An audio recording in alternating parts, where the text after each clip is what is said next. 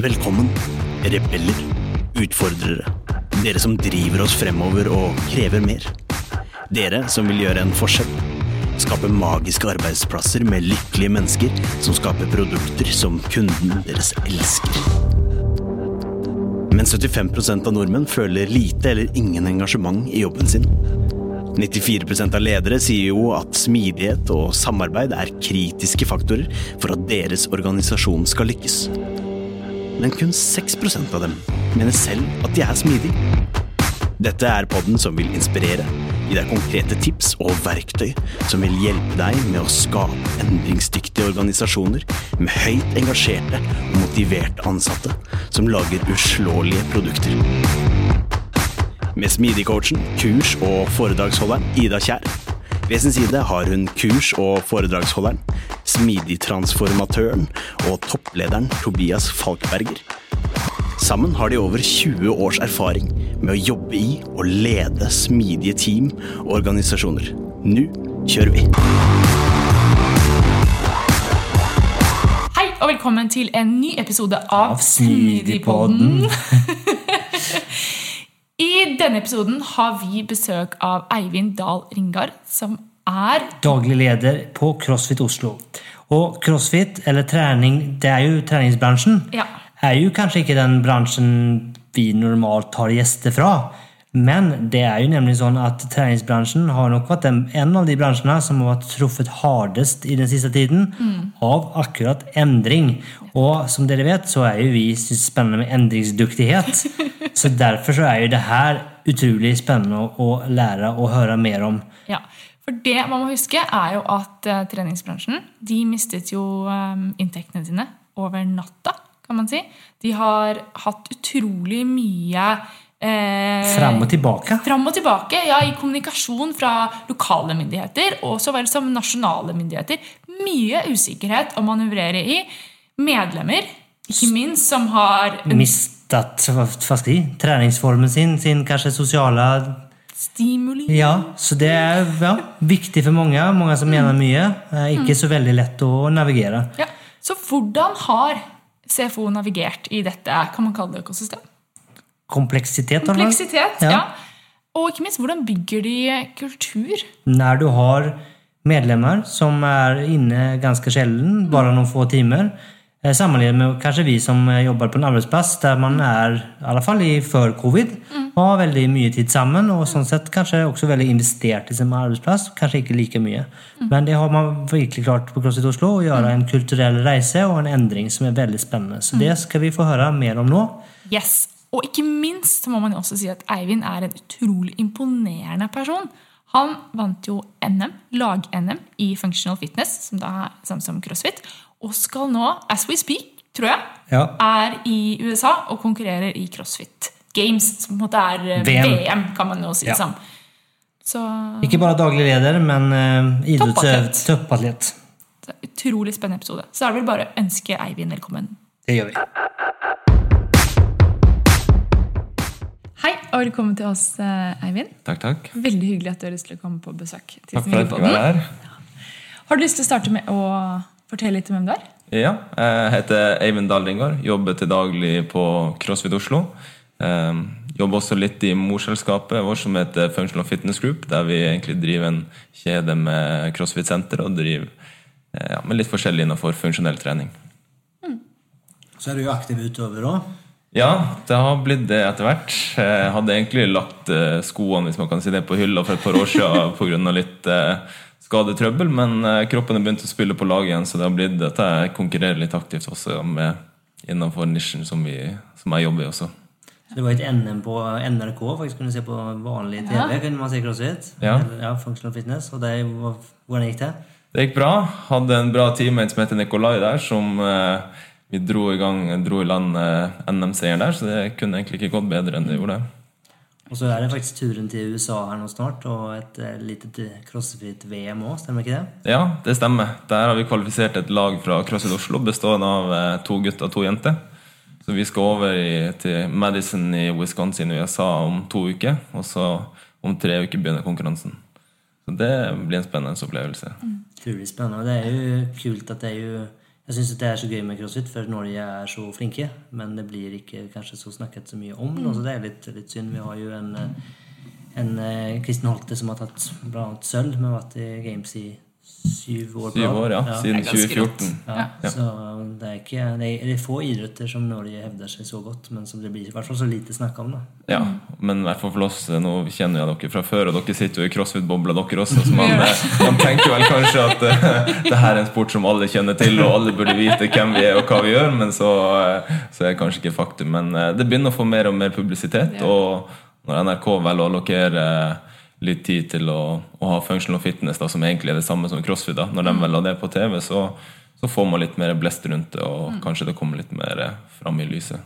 Ja, For, for de lytterne som ikke vet hva crossfit er, kunne du bare sagt liksom veldig kort og kjapt hva, hva er det for noe? Ja, altså Crossfit er jo egentlig bare sirkeltrening. God gammeldags sirkeltrening satt i system. Og så har amerikanerne valgt å kalle det for crossfit og på en måte definert det litt på sin egen måte. da, Og har en sånn filosofi. Så det er jo høyintensitetstrening, og du skal bruke øvelser som, der du bruker hele kroppen hele tida. Og så skal du få, få høy puls, og, og det skal være variert. Det er egentlig kanskje det enkleste uten å gå for mye detaljer der. Så kan man jo si at man har jo nesten tatt det beste fra veldig mange idretter. Mm. eh, Og puttet inn igjen. Det er nesten litt som vi tenker på Smidig. faktisk. Ja. Tar det beste fra alt, Ja. og så setter du det sammen. Ja. Eh, den enda bedre. Ja, så det er jo en man blir veldig sånn, Hvis man kommer i gang og, og får trent over tid, så blir man veldig allsidig. Man lærer seg nye ferdigheter med tanke på egen kroppsvekt. Noen lærer å gå på hendene, henge ringer, i tillegg til at man trener kondisjon hver dag, så man får bedre kondisjon og et sunnere hjerte. Og så løfter man en del tungt også, så man blir sterk også. Så du får på en måte en sånn totalpakke eh, ja, med det beste fra, fra flere områder. Vi har jo flere ting som vi ønsker å snakke med deg om, men det er klart, det, det, det, jeg tenker kanskje naturlig sted å starte er jo endring, for dere er jo i en bransje som ble ganske så hardt traffet av eh, covid og, og lockdown. Mm. Eh, men dere har jo på en imponerende måte håndtert det. Eh, Kunne du fortelle litt om hvordan, liksom, liksom, hvor- hvordan Hva gikk gjennom hodet ditt, og, og hvor var du når du liksom Kanskje, Jeg vet ikke om du fikk med deg på TV, eller hvordan, liksom, hvordan gikk det til, og hva skjedde der, og hva, hva gjorde dere liksom, tilbake for nesten et og et halvt år siden? Ja, altså Først så husker jeg bare at det begynte å snakke litt i begynnelsen av mars i fjor med at eh, ja, nå var det en skole som stengte ned, og nå måtte de stoppe litt med barneidretten og sånne ting. Så tenkte jeg bare sånn, ja, det kommer aldri til treningsbransjen. Og det var mandag 8.-9. mars, og så 12. mars så smalt det ganske hardt. Og da fikk vi bare skje om å stenge ned. Og det er jo sånn jeg tror nok vi har håndtert det på en måte For vi var veldig trygge. Vi hadde en god dialog med hovedeieren vår, som heter Harald Otterhaug, og sa liksom at det her er bare en fartsdom for oss. Det er aldri noe risiko for oss. at Vi kommer aldri til å gå konkurs. Vi kommer til å være her på andre sida. Uansett hvor lenge det her drøyer, så kommer vi til å være her. Så det var en veldig sånn betryggende eh, ting å få for oss, både for ansatte som vet at arbeidsplassen kommer til å være der, og for oss som driver senteret også, at det er ikke noe risiko. Og det tror jeg også vi har tatt med oss gjennom hele perioden nå på nesten 15 måneder, at det er aldri noe risiko for at, for at vi ikke skal komme oss gjennom det. Og på den måten så har vi kunnet puste litt roligere og kanskje tatt litt mer kalkulerte valg. Um, hvis det hadde vært mine sparepenger som sto på spill, så tror jeg nok vi hadde håndtert det litt annerledes og kanskje vært litt mer, ja, litt mer kreativ og kanskje litt mer både desperat og oppgitt når man ser at ting bare har strekt lenger og lenger og lenger og lenger ut, og du vet at du har utgifter som, som skal betales. Så, så på en måte, det var på en måte starten, så fikk vi den etablert ganske tidligere. at det er ikke noe, det er ikke noe reell fare for at vi forsvinner. Og da kunne vi liksom ta mer sånn kalkulerte, gode valg basert på det. Og det har gjort at vi har ja, kanskje vært litt strengere enn det man ser at mange andre i treningsbransjen har gjort. Vi har på en måte ikke lett etter kreative løsninger på hvordan kan vi holde litt i gang, hvordan kan vi holde inntektene åpne. Vi har på en måte tenkt at det her rammer hele verden nå, og da, da må vi bare stenge ned når vi faktisk ser at vi blir pålagt å stenge ned. Så det var sånn kanskje de første tankene som vi gjorde oss eh, eh, etter hvert. Men em, for, for det jeg vet også at dere har hatt en em, liksom litt hva kaller det, pragmatisk eh, holdning også til medlemmer, medlemskap og økonomien til, til, til at det er en del av medlemmene som kanskje har blitt eh, rammet hardt òg. Og du, du, jeg vet du fortalte litt at det også vært et bevisst valg, for du tenker at det har en effekt eh, på lengre sikt. Kan du Ja. litt om det? Ja, så Der igjen også så er det sånn at vi har på en måte ikke vært avhengig av Vi har jo hatt ei stor pengekasse i bakhånd, så vi har liksom ikke vært avhengig av å få med oss medlemmene på å ta, ta regninga. Så, så det sa eieren at vi skal ta regninga her, så da, da har vi sagt til medlemmene at hvis man, har, hvis man har lyst til å fryse medlemskapet, sette det til null, eventuelt si opp medlemskapet fordi at det er tøft på hjemmebane, og sånne ting, så har vi på en måte gått bort fra alt vi har av medlemsvilkår og kontrakter og sånne ting, og sagt at ja, vi slipper alle ut, og så håper vi at det kanskje gjør at man i andre enden av en pandemi får dem tilbake igjen og eh, ja, møte positive mennesker der. I tillegg til at vi ser at måten vi rekrutterer medlemmer på, er jo at man kjenner en som har lyst til å begynne hos oss. Så vi tenker er vi snille med medlemmene nå, så vil de snakke varmt om oss, og da vil de komme tilbake til oss eller begynne hos oss på andre sida. Så vi har vært prøvd så godt vi kan der å bare være, være snill. Så ja. Ja, liksom Bygge det langsiktige forholdet Ja. som er liksom stabilt. Ja.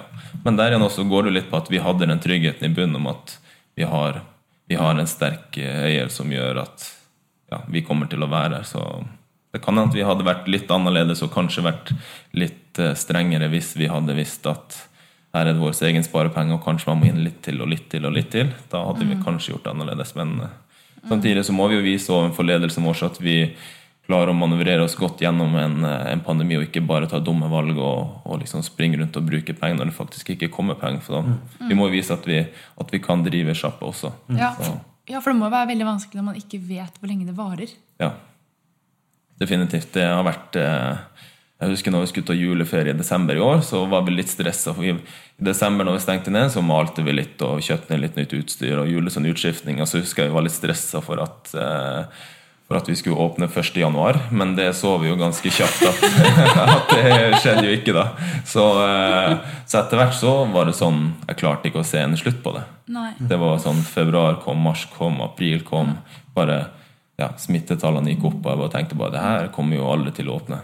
Så Kan du fortelle litt hvordan det var å leve i den uvissheten og med både liksom for deg selv, men også for de som, som jobber for deg, og medlemmer? Liksom, hvordan var den belastningen, og hvordan tenkte du oppi alt det her? Eh, Det jeg syns har vært verst, er jo for eh, meg og Joakim, kollegaen mine, og Simen, som er den trioen som sitter og, og styrer CrossFit Oslo Functional Fitness Group. Så sånn, vi har vært på fastlønn, vi har hatt en arbeidskontrakt, og vi hadde en måte en historikk å vise til, så vi kunne gå rett til Nav og få støtte. Men så har vi veldig mange selvstendige PT-er, og vi har noen PT-er som kommer rett ut fra skolebenken, som ikke hadde noe inntekt å vise til. Og de sto veldig dårlig stilt hos Nav. Og et par av de fikk jo også stipend, og da får du i hvert fall ingenting fra Nav. Så det tøffeste oppi alt det her er jo vært å se liksom kollegaene som man jobber tett med fra dag til dag, og se at eh, det går faktisk ikke rundt. Og de får, eh, ja, får faktisk ikke noe støtte. Så det har nesten vært det verste å sitte og se på. eh, og bare se fra måned til måned at ja, her kommer vi ikke i gang, her kommer vi ikke i gang. Så vi har jo tatt noen løsninger der, der hvor de som følger opp f.eks. medlemmer online, har fått en 100% PT-andel istedenfor at vi skal inn og i husleia for et senter som ikke er åpen. Så har vi sagt at følger du opp nå, så får du 100% av det. I hvert fall for å bidra litt. Og straks det har vært mulig å ha noen utetimer eller PT-timer inne og sånne ting med medisinsk bakgrunn, så har vi latt PT-ene komme i gang med en gang og fått 100 andel der også, bare så de skal kunne spe litt på. Så, ja, så det verste har liksom vært å se, se ansatte og kanskje unge PT-er som eh, kommer rett ut fra skolen, som ja, er veldig på sparebluss. Kanskje har lyst til å spare til leilighet og, og spare til sin første ferie, ordentlig ferie. Nå skal de i gang og jobbe, og så har ikke dem ja, Så blir bare det revet bort. Det, det har nok vært det tøffeste. Ja. Det er en utrolig vanskelig situasjon å være i også, når du er eh, nyutdannet. Ja. Så i hvert fall når vi sitter og måtte sitte i en egen stol og ser liksom at man vet at Nav håndterer, eller Nav har regninga til oss som, som har en, en kontrakt og har, har vært i fast arbeid, så er liksom, da er jo velferdsstaten Norge veldig veldig bra. Og det har vært en trygghet både med at vi vet at vi har en jobb når vi er ferdig, og vi vet at vi har lønn underveis. Men eh, så har det de som ramler litt utfor det fordi de har rett og slett ikke vært i jobb eller er i en etableringsfase. Og, og sånn. Så det har vært tøft. Men da er det jo utrolig fint at dere har klart å tenke holistisk på det. Mm. Og nettopp tilbudt den 100 da, til, mm. til PT-ene. Ja. Så der igjen også, Det går også litt tilbake til at vi har en, vi har en bra eier. Og nå blir det jo mye skryting den veien, da, men, men det er ikke å stikke under en stol at det har vært veldig betryggende eh, eh, at Ja, og du skal ja, ikke Du skal ikke Det med, med, med tillit og stabilitet Du skal ikke kimse av det, altså. Mm. Hvor viktig det er i en sånn her situasjon. Ja. Så det, det har jo opplevd veldig veldig mye. Og det har liksom Jeg føler på en måte at vi prøvde å ta ryddige valg hele veien og ikke følte oss som at nå, nå er noen som er streng med oss, og vi må stenge ned. Vi har på en måte, da har vi kun tenkt at det her er noe som rammer hele samfunnet, og det er faktisk selskap rundt omkring som går konkurs, og det er levebrød som blir revet bort og sånn. Så jeg har liksom prøvd å tenke at midt oppi alt så har vi det faktisk ganske bra og ganske stabilt. Men så Men nå åpner det i hvert fall litt opp, så bare krysser vi fingre og bein og alt som er. For at det går riktig vei. Ja, nå håper vi at denne eh, pandemien skal være ferdig, og vaksineringstempoet er vel ganske bra. Og, og sånt, Men man vet jo aldri. Vi satt jo i fjor sommer og så på smittetall som var ekstremt lave, og så plutselig så kom det en ny bølge, og så var det plutselig en lockdown som ble dobbelt så lang som den som var først i fjor, fra mars til juni. Så man vet jo aldri. Men vaksineringa har jo kommet mye lenger nå, så vi krysser fingrene for at eh, at det er en siste etappe nå, både med litt sånn strenge rutiner for booking av trening og det her med vask av utstyr og, og avstand og litt sånt. For det, det legger jo en del begrensninger, og det er ikke noen tvil om at det har vært tøft økonomisk. Og vi bruker jo ganske mye mer på renhold og, og den type ting nå med, med covid og Men apropos trygghet, da, så er jo så det igjen gjør at medlemmene føler seg trygge og faktisk vil gå på trening. Ja. Og igjen opprettholde medlemskapene sine. da. Ja. Fordi de føler seg trygge når de er der. Ja. Så jeg tror, eh, ja, jeg tror det der er veldig veldig viktig. at eh, Hvis man ikke hadde hatt fokus på det og bare sluppet helt opp, så ville nok mye om fått en sånn umiddelbar feedback fra medlemmene om at her er det ikke trygt å være, og her ønsker jeg ikke å være, og her ønsker jeg ikke å, å legge igjen pengene mine når man ser at det, at det ikke tas høyde for at det fortsatt er litt, mm. litt smitterisk, og man kan bli syk, og man kan settes i karantene og eventuelt smitte folk videre. For det er det du er inne på nå også veldig eh, Dette med instant feedback da, fra, fra medlemmene deres. Det er jo ganske unikt på mange måter eh, for et selskap å få så rask tilbakemelding fra medlemmer. På hvordan, hva tenker du rundt det? Altså vi har jo, Det som kanskje er litt unikt med CrossFit, er jo egentlig at alle skal kjenne alle på et senter. og Det skal være litt sånn åpent forum. og Vi har en Facebook-gruppe der vi kommuniserer fram og tilbake. så det er sånn, Hvis vi legger ut noen ting, en beskjed og kommer med noen nye retningslinjer, og sånne ting, så får vi jo, altså vi åpner opp et kommentarfelt der hvor det alltid kommer noe. Og hvis folk føler at vi er litt strenge, eller at vi er litt på på feil spor eh, sammenlignet med det de skulle ønske, så får vi en umiddelbar feedback. Så vi så bare f.eks. i fjor, da når vi gikk fra å bare markere hjørnene på firkant vi skulle stå, til å ha heltrekte linjer rundt. Så var jo sånn Folk ville ha heltrekte firkanter, for da visste man hvor firkanten sin var. Ja. Hvis du bare markerte hjørnene, så fikk du feedback på at det her er ikke bra nok. og eh, ja, Man skulle ikke bort og ta på samme sprayflaske, så her måtte vi finne andre rutiner for, eh, for såpe og sånt. Så, det, så vi får jo ja, umiddelbar feedback. og ja, Hvis vi fjerner en time klokka seks på morgenen og flytter den til klokka syv, så får vi høre det. Så, og der har vi fått feedback også med liksom, både på godt og vondt hvordan vi har håndtert korona og, og smittevern og tilbud på gruppetimer og, og sånt. Så. Hva, tenker du? For, for alt alternativ hadde jo vært å ikke altså bare ha noen form av enveiskommunikasjon, men dere har valgt å åpne opp for den type kommunikasjon. Hva, hva, kan du si litt om bakgrunnen og hva du tenker om det? Unnskyld at jeg forstyrrer deg midt i denne superspennende episoden, men jeg må bare fortelle deg noe. Forresten, det er meg, Arvid, fra introen. Er du en som ønsker å utfordre, drive oss fremover og kreve mer? Gjøre en forskjell og skape magiske arbeidsplasser? Men du bare vet ikke helt hvordan. Da har jeg noe som kan hjelpe deg. Tobias og Ida har laget et kurs. Kurset gir deg forståelsen og den smidige tilnærmingen du trenger for å tenke nytt om de organisatoriske byggeklossene, strategi, mennesker, prosess, struktur og teknologi.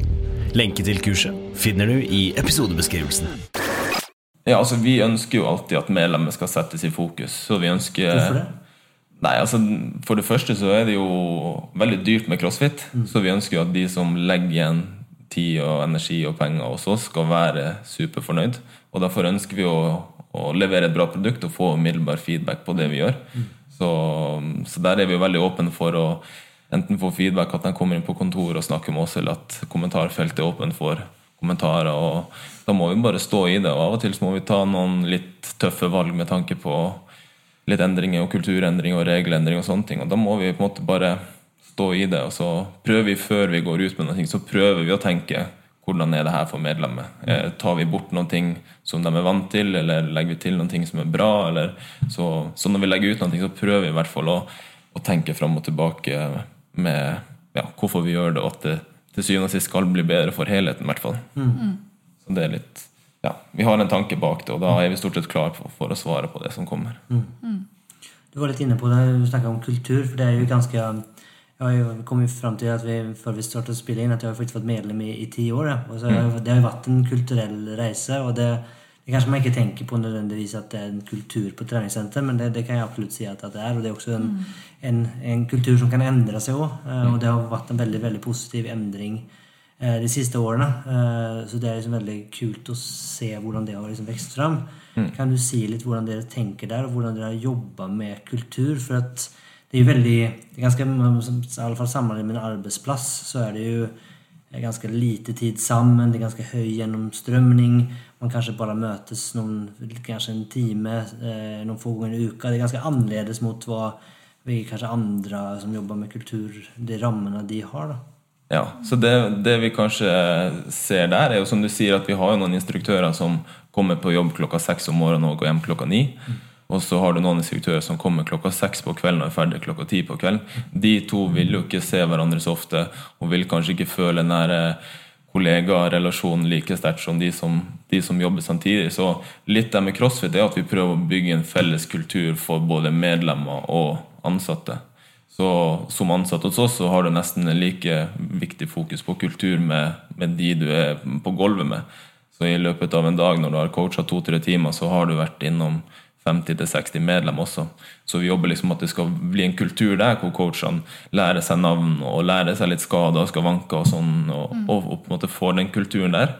Men når det gjelder på en måte oss som organisasjon, så vrir vi oss jo mer og mer om at vi sammen med de ansatte må sette felles mål.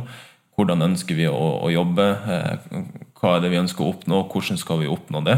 For det er jo, Vi driver med gruppetrening, og det er jo coachene våre som er ute på gulvet og får umiddelbar feedback og ser hva er det som funker, hva er det som ikke funker.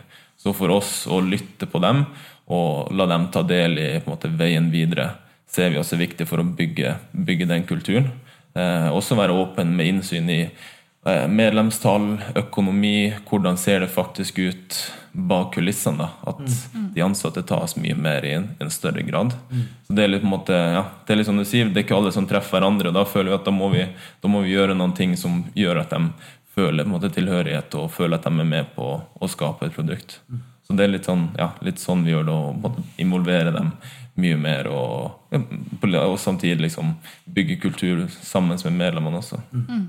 For det du sier liksom åpenhet rundt økonomi og tall og sånne ting, det er jo ganske altså, I de fleste selskaper så er det ganske uvanlig. Det er ikke noen få som Hvorfor har dere valgt å gjøre det? Du så inne på det litt, men, men det, liksom, det er for å liksom få det eierskapet? Ja, det er på en måte prøve å få litt eierskap til det, og så prøve liksom å, å være sånn For vi, ja, vi driver et treningssenter der hvor det settes mye ja, altså Renhold er viktig, det settes igjen mye utstyr og sånne ting. Og det blir mye hvis vi er to-tre som skal gå rundt og pirke på det hele tida. Så det er litt mer å, for å få alle til å, å, dra i samme retning og føle at alle har lyst til at det skal se bra ut i lokalet vårt, og alle vil at medlemmene skal ha det bra. Og hvis vi møter noen i døra som hvis en instruktør ikke er på jobb, men møter noen i døra som ser ut som de lurer på noen ting, så, så føler jeg at hvis vi inkluderer dem, og de føler at de er en del av, av uh, en helhet og er liksom stolt av å jobbe hos oss, mm. så tror jeg at vi får det veldig mye igjen mm. uh, ja, på måten det ser ut i lokalet, og måten de snakker om oss utad.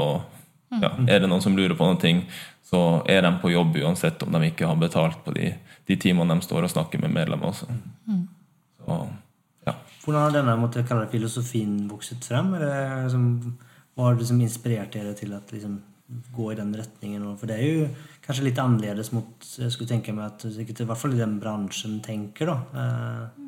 Ja, så der er jo han, vil jeg skryte av han kollegaen min Joakim Rygg, som kom inn som hovedtrener for ja, 2018, så det blir jo tre, tre år siden, eller kanskje fire år siden, og kom inn og virkelig begynte å ta tak i liksom, måten instruktørene skal jobbe.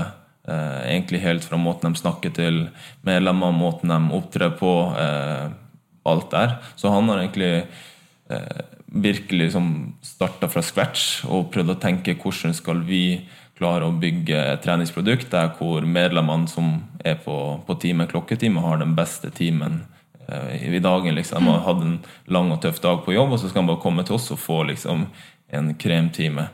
Så det er han som egentlig har virkelig liksom, jobba tett med det. Og kanskje en av de viktigste tingene der er jo at vi har vi har vært litt heldige, vært i en posisjon der hvor vi prøver å bare ha fulltidsansatte coacher. Så de som er hos oss, er liksom det her er det de har lyst til å gjøre. Mm. Det, når jeg begynte som instruktør sjøl i 2014, så var jeg siviløkonomstudent på SI, og så hadde jeg onsdag eh, to timer på kvelden. Mm. Og det er sånn, Da var ikke jeg så investert i å, å utvikle meg sjøl som instruktør. Jeg brydde meg ikke så mye om hva som skjedde på mandagsmøtet. Det er liksom hvordan det gikk med sjappa. det er liksom ja, jeg, skulle bare møte opp de to timene, ha gratis medlemskap og, og bare coache litt. Mm. Mens nå er på en måte litt den filosofien at skal du stå på timeplan hos oss, så skal det være fulltidsansatt. Det er her du skal på en måte prøve å bygge en hverdag. Så det er liksom måtte starta litt i den enden der, og da mm. ser vi at det er mye lettere å, å, å kreve både kreve litt fra ansatte, man skal være med og utvikle seg sjøl og ta del i ting, men også at det er lettere for oss å investere i, i dem også. Mm. Og så får man jo som medarbeider. Man føler seg en del av et team. Mm. Man får et helt annet samhold. Ja. Uh, som gjør også at du har lyst til å investere mer. Da. Mm. Både i medlemmene, men også i ja. selskapet. Ja.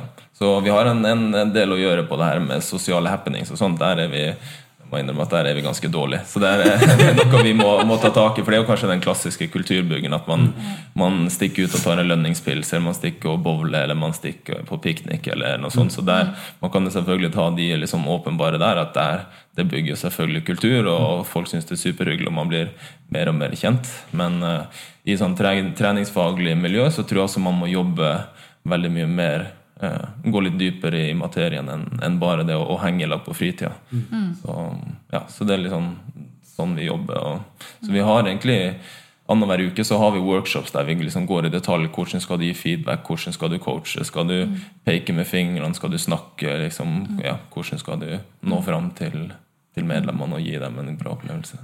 Du var jo litt inne på dette med feedback også før vi startet å spille igjen. Og det mm. vet jeg, og det er det jo veldig mange som på generell basis syns er vanskelig. Mm. Kan du si noe litt mer rundt hvordan dere tenker der? For da hadde du noe spennende. Ja, så der er jo eh, Ja, vi har på en måte jobbet mye med hvordan man skal ordlegge seg. Mm. Så hvis man skal eh, gi en, en, en, feedback på noen ting som er ikke nødvendigvis negativ, men noe man må forbedre, så er det veldig sånn vi skal ikke bruke ordet 'menn'.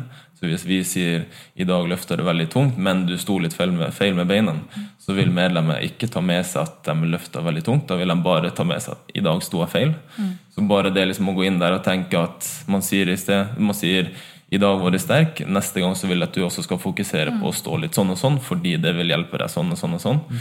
Måten, den måten å gi feedback på ser vi liksom at ja, vi jobber veldig mye med hvordan man skal snakke med medlemmene, hvordan medlemmer skal ja, føle seg sett og føle at man fikk litt feedback og fikk uh, ja, hvordan jeg skal ta det med seg, rett og slett. Mm. Og ikke bare hva de skal gjøre, men hvorfor. Ja, ja. Men det, ehm, det, er litt morsomt, for at jeg kom til å tenke på nå når Min første utetime på CFO etter at det åpnet opp igjen, han var med Christian. Mm. Eh, og så, For det første, så når jeg kom hjem, så spurte Tobias hvordan det hadde gått. Jeg bare Christian husker navnet mitt! Ja.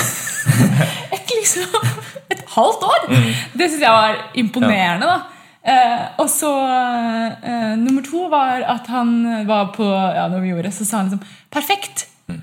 Bare prøv å gjøre det òg. Eller mm. og gjør sånn, eller mm. et eller annet han sa. Ja. Og det, når Tobias spurte var jeg bare det var perfekt. Ja. men han sa jeg skulle gjøre litt sånn, da. Men det er greit nok, da. Det var perfekt. ja. Hadde han sagt 'men' der, så kan det godt hende at du hadde kommet hjem og ikke syntes at sånn- ting var så perfekt. Ja, ikke sant? Ja.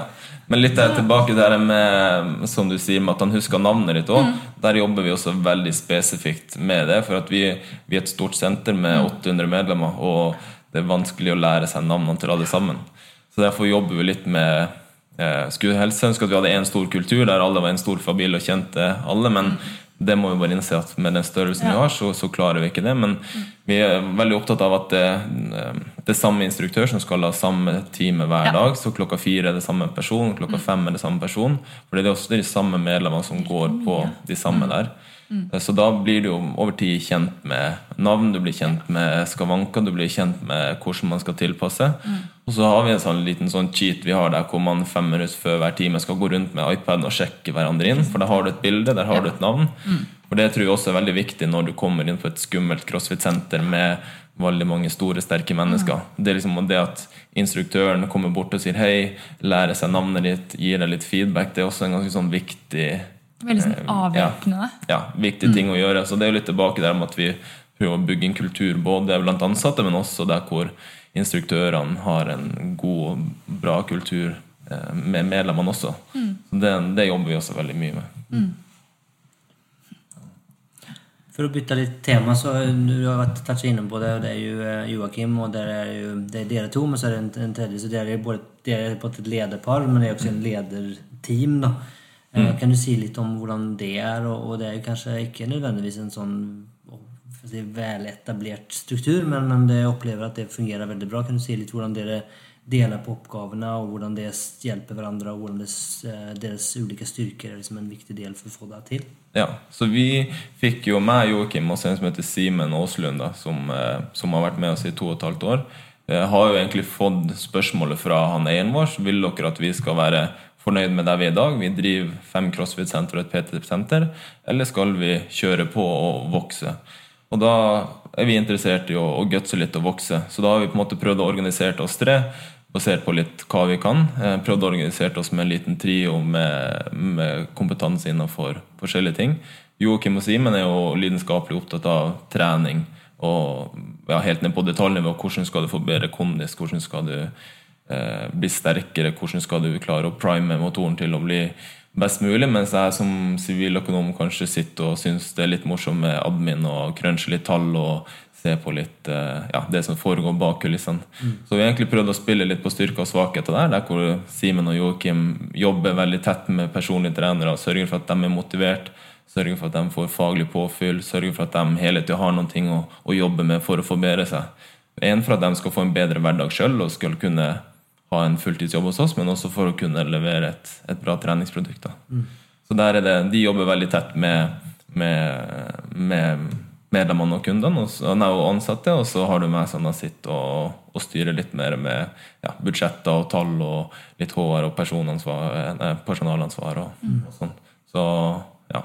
Så det er på en måte, Vi følger ikke noen modell der det er ikke noe du kan, kanskje lese om i noen lærebok. eller noe sånt. Vi har på en måte bare tenkt hvordan skal vi klare å utnytte de ressursene vi har, uten å måtte ja, bruke kanskje for mye penger på å ansette folk i, i småstilling her og der. Så prøver vi bare å, å spille hverandre gode, og så ja, selvfølgelig ta feedback fra ansatte og sånne ting for å, å ja, bygge et best mulig produkt. For dere jobber sammen som et team mot et felles mål? Ja, det gjør vi. Så vi sitter i lag eh, hver dag i Nydalen og, og jobber litt og sparer litt og, og ja, prøver å ta stilling til utfordringer som kommer og feedback som kommer inn og, og litt sånt, og prøve å, å bygge en organisasjon mest mulig. Men dere er også operative og har egne timer og, i, til viss del? Så Ja, liksom så vi, ja, så vi er litt hands on, og det er litt viktig for oss å av og til være litt på gulvet og, og snakke med medlemmene og se hvordan flyten fungerer. og sånne ting. For jeg tror det er litt viktig at ikke vi tre sitter og tenker sånn her skal produktet vårt være, sånn her skal dere ansatte gjøre, og bare prakke ting nedover på dem. Det er mye bedre sånn at vi må, må ut og kjenne litt på det sjøl og se hva som funker, og hva som ikke funker. Og, Så, og vi er jo alle, alle tre har jo egentlig bakgrunn fra eh, som instruktør. Det var sånn jeg kom inn i CrossFit, begynte som instruktør, og sammen med Joakim også som PT og instruktør, og Simen også som har starta et crossfit-senter på, på Mjøsa, men også har vært instruktør og PT. Liksom. Så man er jo vant til det og har kommet litt den veien der. Så det er jo litt morsomt å jobbe med, med det også. At man ikke gir helt slipp på det. Men eh, ja, så Vi sitter jo og styrer alt fra Nydalen av, men det er så viktig å nevne også at vi har rundt omkring på de forskjellige sentrene så har vi jo veldig dyktige senterledere også. Som sørger for at vi kan liksom fokusere på, på kanskje litt helhetlig større bilde. Fordi vi har flinke folk som sørger for dag-til-dag-drifta på på de mindre boksene sånn som vi har, som ute i Sandvika og på Løren og, og Mjøsa, og, og sånt, så har vi dyktige folk som måtte sørge for at ting ser bra ut fra dag til dag. Så det er jo veldig, veldig viktig. Jeg vet også at dere tenker ganske spennende rundt produkt. Mm. Og produktutvikling. Og, og CFO har jo hatt en veldig interessant utvikling også. Mm. Uh, har du lyst til å si noe om det? Ja, så vi har bestemt oss for at vi skal være ekstremt flinke på crossfit. Og skal bare ha crossfit på timeplan. Og med å gå på de timene så skal du bli eksponert mot forskjellige ting som gjør deg bedre. Så crossfit består jo egentlig av elementer fra vektløfting, styrkeløft, gymnastikk, kondisjon. Så noen velger jo å lage en produktkatalog der hvor du har fem-seks forskjellige tilbud på timeplan. Eh, Det var sånn på CrossFit Oslo før, men så har det blitt tatt et valg om at det blir kanskje litt mye styr. Det er vanskelig å opprettholde kvalitet på hver enkelt produktkatalog. Så Derfor har vi valgt å tenke at vi skal ha CrossFit på timeplan. Eh, skal, eh, du skal få alt du trenger med å bare gå på de timene der. Så måten vi både legger opp timene, men også legger opp en syklus på tolv måneder, så skal du få vært innom det beste. Du skal, du skal lære deg nye gymnastikkøvelser, du skal bli sterkere, du skal lære deg olympiske løft, du skal få bedre kondisjon. Så vi prøver på en måte å spisse produktet vårt veldig inn mot crossfit. Sånn at på de 60 minuttene du har på gulvet der, så, så skal du få absolutt alt av det du trenger. Så det er litt av, litt av tanken der. Eh, det skal sies at i Nydalen, i lokalene der også, så er vi Vi har ganske høye faste kostnader, som også gjør at vi må ha Vi må dessverre ha masse medlemmer inn, som kanskje gjør at det blir litt trangt til tider også, men vi er nødt til å ha mange folk inn. Vi er nødt til å ha masse crossfit-timer på timeplan for at sjappa skal være bærekraftig også. Så det er sånn Selvfølgelig, man kunne kanskje lagt inn litt andre ting der også, men pga. at måte, kostnadsbildet vårt er sånn som det er, så har vi vært nødt til å, å drive og tweake litt. Så, så vi har på en måte måttet gjort en trade-off med tanke på masse medlemmer inn. Litt nesten sånn masseproduksjon hvis man, hvis man av og til sjekker kapasiteten vår, men også med å opprettholde høy, høy kvalitet. Så Derfor er det jo viktig at når vi har masse medlemmer inn, at instruktørene våre er superdyktige og, og gjør de små tingene som gjør at hvert enkelt medlem føler seg sett og hører navnet sitt og får litt feedback og sånt. Ikke sant? Good. Skal vi, tiden løper fra oss. Skal vi begynne å runde av i det? ja. Eller har du noen siste spørsmål? Nei, det går bra. Vi har de fem siste. Det har vi. Ja, vi har det. All right, Eivind. Hva ville du fortalt 20 år gamle deg selv? Uh, ja, Det husker jeg egentlig veldig godt. Det er noe som vil bli tydeligere og tydeligere for meg etter hvert som jeg blir eldre og eldre. Jeg husker jeg satt på første forelesning på BI, så hadde vi en kontaktlærer som sa liksom bare se rundt dere. De, nå gikk jeg på, på BI, der var det jo 300 mennesker i klassen, så det var jo ganske mange mennesker som satt rundt meg. da. Men sa liksom at se rundt deg, og det er liksom de her, bli kjent med de her. Bruk tid på fadderuka, bli kjent med alle som sitter rundt deg. for at den gjengen her kommer til å sitte med jobber rundt omkring i 100 forskjellige selskaper om mange år. Eh, fordi det er nettverket du kommer til å ha bruk for. Og jeg tenkte liksom bare sånn "Ass, Jeg trenger ikke det nettverket her. Jeg, jeg har kompiser hjemme. Jeg trenger ikke å bli kjent med noen nye. Eh, så det liksom Det har jeg jo lært i, i litt eh, litt mer voksen alder at liksom nettverk betyr så å si alt. Trenger du noen ting, eh, så er det mye lettere å, å ta opp telefonen til noen du kjenner som sitter rundt omkring og bruker nettverket for å ja, oppnå ting. og ja, Trenger man noe ting, så liksom har du noen du kjenner, så er det mye mye lettere enn om enn du skal cold-calle til noen som ikke vet hvem du er. Så ville jeg kanskje sagt bruk litt mer tid på å bli kjent med folk og, og bygge nettverk tidlig. Ville jeg nok eh, gjort litt annerledes. Bra tips.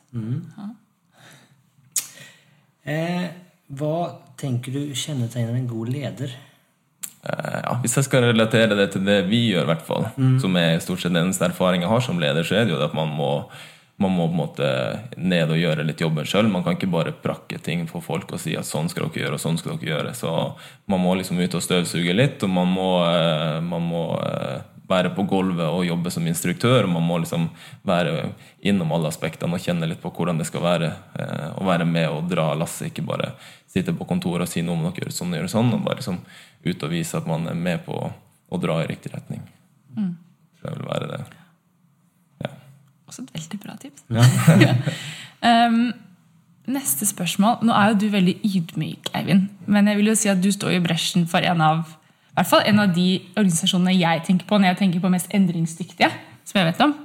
Så hvis du vil gi et tips til lytterne om hva de burde gjøre hvis de vil ha en mer endringsdyktig organisasjon, Eh, nei, altså det er jo ja, identifisere litt eh, hva behovet er, og så eh, sette felles mål sammen med de ansatte for å sørge for at man drar i riktig retning. For det ja, Vi har gjort noen radikale endringer på CrossFit Oslo med å og, eller radikal og radikal blir kanskje litt sterkt ord, men gjort noen endringer med å fjerne ting fra timeplanen og, og ta bort produkter som folk har, har likt veldig godt, og gjort endringer på litt lønnsstruktur og sånt. Så det, det er liksom å sørge for at uh, de ansatte er med på, på endringen og, og, ønsker å stå inne for det samme som oss. Mm. Da tror jeg man vil være i stand til å ta opp noe ganske, ja, ganske gode endringsprosesser. Mm. Kjempebra. Noen bøker, lydbøker eller podkast du ønsker å anbefale? Ja, da har jeg jo ikke lest noen bøker siden jeg gikk på BI, og det var Jeg skal ikke skryte om at jeg leste fra perm til perm der heller, da. Men, eh, så jeg leser faktisk ikke så mye bøker. Eh, men jeg liker å høre på podkast når jeg skal sove. Mm. Og da liker jeg å ligge og høre på noen ting som kanskje ja, lærer meg noe nytt, eller eh, ja, oppdaterer meg litt. Så det er noen podkaster som heter Oppdatert og forklart og sånne ting. Det er vel NRK som har en, og Aftenposten som har en. Der hvor de liksom kan forklare litt ting, hva som foregår, eh, ja, dagsaktuelle tema. Så jeg synes det er morsomt å, å, ligge og høre litt på og bare ja, sovne til det. Mm. Så, utover det så er det ikke så veldig mye mer spennende. Så, men eh, begynner etter hvert å som sagt, snakke om nettverk. Begynner jo å få en del kompiser som etter hvert har ganske spennende jobber og er ledere for større selskap.